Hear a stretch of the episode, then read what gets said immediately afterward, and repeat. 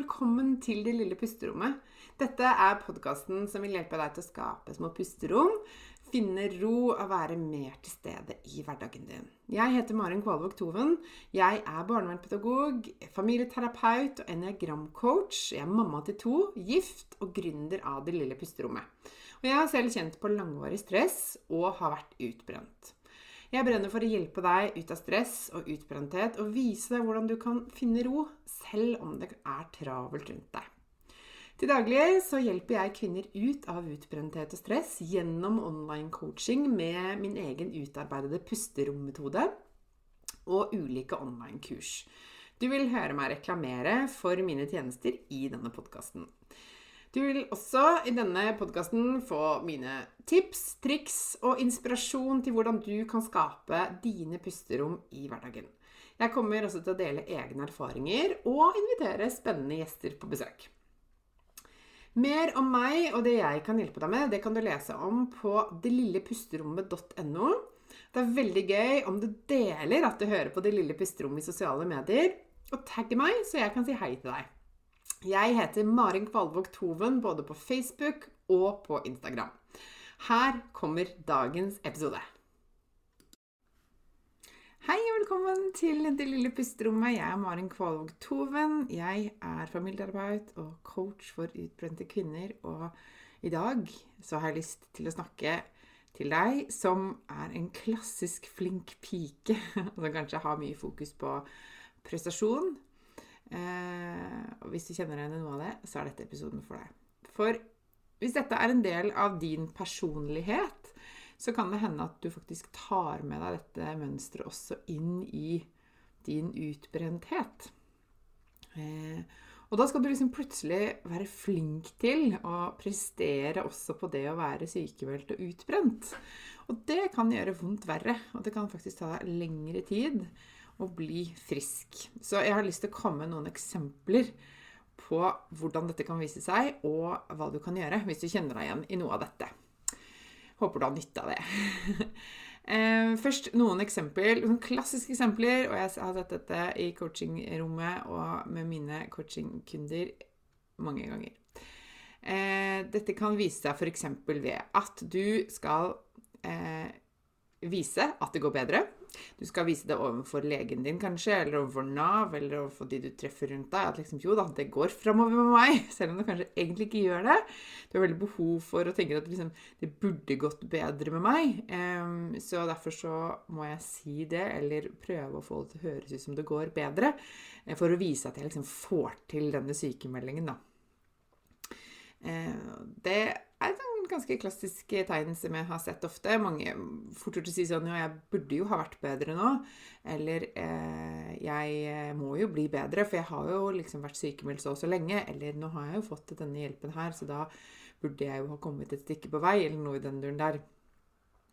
Behovet for å vise at eh, du får det til, at du nyttiggjør deg hjelpen, eller at du klarer å komme deg videre framover, på en måte.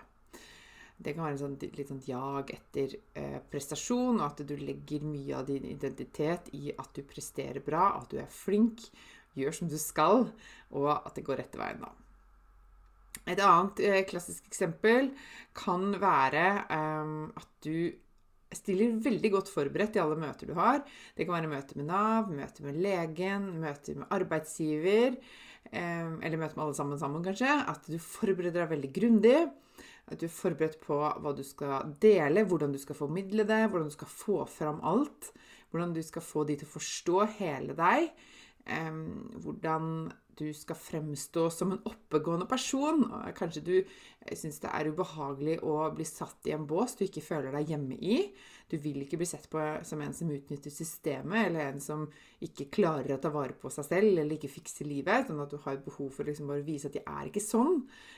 Eh, og, og gjennom f.eks. å være godt forberedt, eller å fremstå som veldig oppegående og sånn. Ehm, det også ser jeg ganske ofte. Det kan brukes mye energi på å forberede seg kanskje dager, og til og med ukevis før et sånn type møte. Ehm, og eh, rett og slett være veldig opptatt av hvordan dette framstår for de andre. Eh, et tredje klassisk eksempel er at du deltar på alt som du får tilbud om. Det er veldig ulikt hva slags tilbud som gis til utbrente og sykemeldte rundt omkring i landet. Men det er noen som får tilbud om en del aktiviteter, og det kan faktisk være ganske mye. Nesten sånn eh, at det er nesten fulle dager hver dag eh, hvis du er med på alt. Og hvis du er en sånn flink pike, så kan det være fort gjort at du liksom føler at du må eller bør, være med på alt som skjer. Eh, og, nesten som at du liksom ikke skal ha fravær på skolen, på en måte. Um, hvis du kjenner veldig på det, så er det interessant å utforske litt hva det handler om. Og, og jobbe litt med det som ligger bak der, kanskje. Eh, jeg jobber jo som Du som har hørt andre episoder nei, i podkasten, har hørt meg snakke om eniagrammet før. Og eneren i eniagrammet er perfeksjonisten. Eneren har et veldig sterkt behov, stort behov for å, eh, hva de må og bør gjøre. Eh, på prestasjon, på å gjøre ting perfekt eller optimalt. Så godt som overhodet mulig. Og de forbereder seg veldig godt til ting. Eh, og, vi, og, i tillegg så, så har NR et veldig stort behov for kontroll. Det er ikke alltid dette er bevisst, men når man eh, blir klar over det, så viser det seg at under der så ligger det et kontrollbehov som opprettholder disse strategiene og mønstrene. da. Eh, og da kan det, dette f.eks. vise seg i at man forbereder seg veldig godt til et møte fordi at man har behov for å ha kontroll på hvordan dette møtet kommer til å gå, f.eks.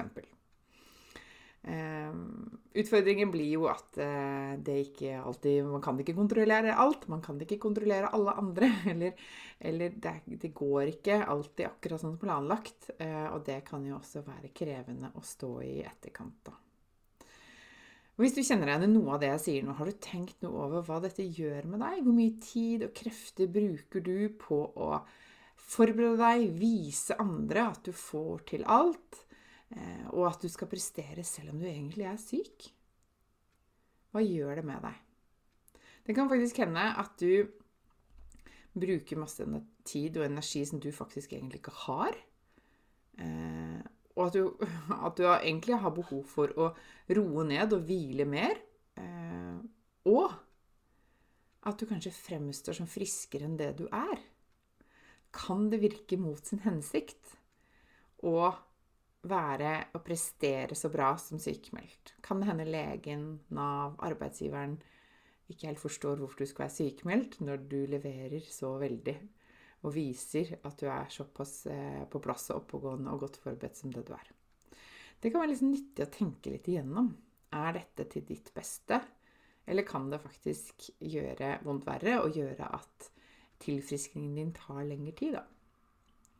Så har jeg noen tips. Tre tips til deg som eh, kjenner deg igjen i noe av det jeg har vært igjennom nå. Det første tipset, det er våg å slippe kontrollen litt. Det går faktisk stort sett bra. Eh, det kan hende du kan erfare at eh, andre slipper til å ha mer å komme med eller skjønner deg bedre enn det du forstår selv. Og det er ikke alt du skal ha kontrollen på eller ansvaret for til enhver tid.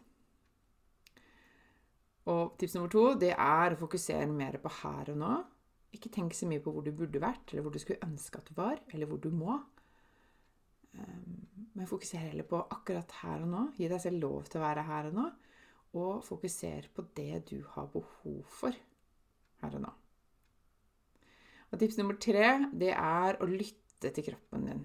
Og gjøre mer av det som hjelper, det som er bra for deg. Og hvis liksom det å Det jeg snakket om tidligere, med liksom å eh, være veldig flink pike Hvis det ikke gjør deg bedre, så kanskje du skal legge det litt bort. Kanskje er det det som har gjort at du havnet der hvor du er i dag. Og da er det kanskje ikke så lurt å gjøre enda mer av det for å bli bedre. Eller hva? Og hvis du er utbrent og um, kjenner deg igjen i noe av det jeg har snakket om nå, eller bare generelt liksom leter litt etter veien gjennom utbrentheten, og ikke ønsker å havne der på nytt igjen, så har jeg et tips til deg, for jeg har laget et gratis webinar som heter 'Aldri mer utbrent'. Og der deler jeg mine beste tips til hva som skal til for å bli frisk fra utbrettheten en gang for alle, så du slipper å oppleve det på nytt. Eh, og du finner link til det hvis du klikker på shownotes eller ser på shownotes under denne episoden her, så kan du bare klikke deg inn på det webinaret. Det er gratis, ferdig innspilt. Du kan se det akkurat når du vil. Eh, og hvis du sitter og kjenner, igjen, kjenner deg igjen i det jeg snakket om i dag og har lyst til å dele noen tanker med meg, så er du hjertelig velkommen til det. Eh, ta kontakt med meg på Facebook eller på Instagram. Jeg er Det lille pusterommet både på Instagram og Facebook. Send meg gjerne en DM. Jeg syns det er så hyggelig å høre fra dere. Og del hva, hva du blir opptatt av. Eh, det syns jeg alltid er veldig inspirerende og spennende å høre. Så håper du hadde nytte av denne episoden, og så snakkes vi igjen her veldig snart. Ha det bra så lenge! Dette var dagens episode. Jeg håper du likte den. Og hvis du gjorde det, så del gjerne i sosiale medier og tagg meg med Mari, at Maren Kvalvåg Toven, så kan jeg si hei til deg. Jeg blir så glad for sånne meldinger. Og følg meg gjerne også på Facebook og på Instagram. Du finner meg som Maren Kvalvåg Toven begge steder. Jeg ønsker deg en fin dag videre, og så snakkes vi igjen snart.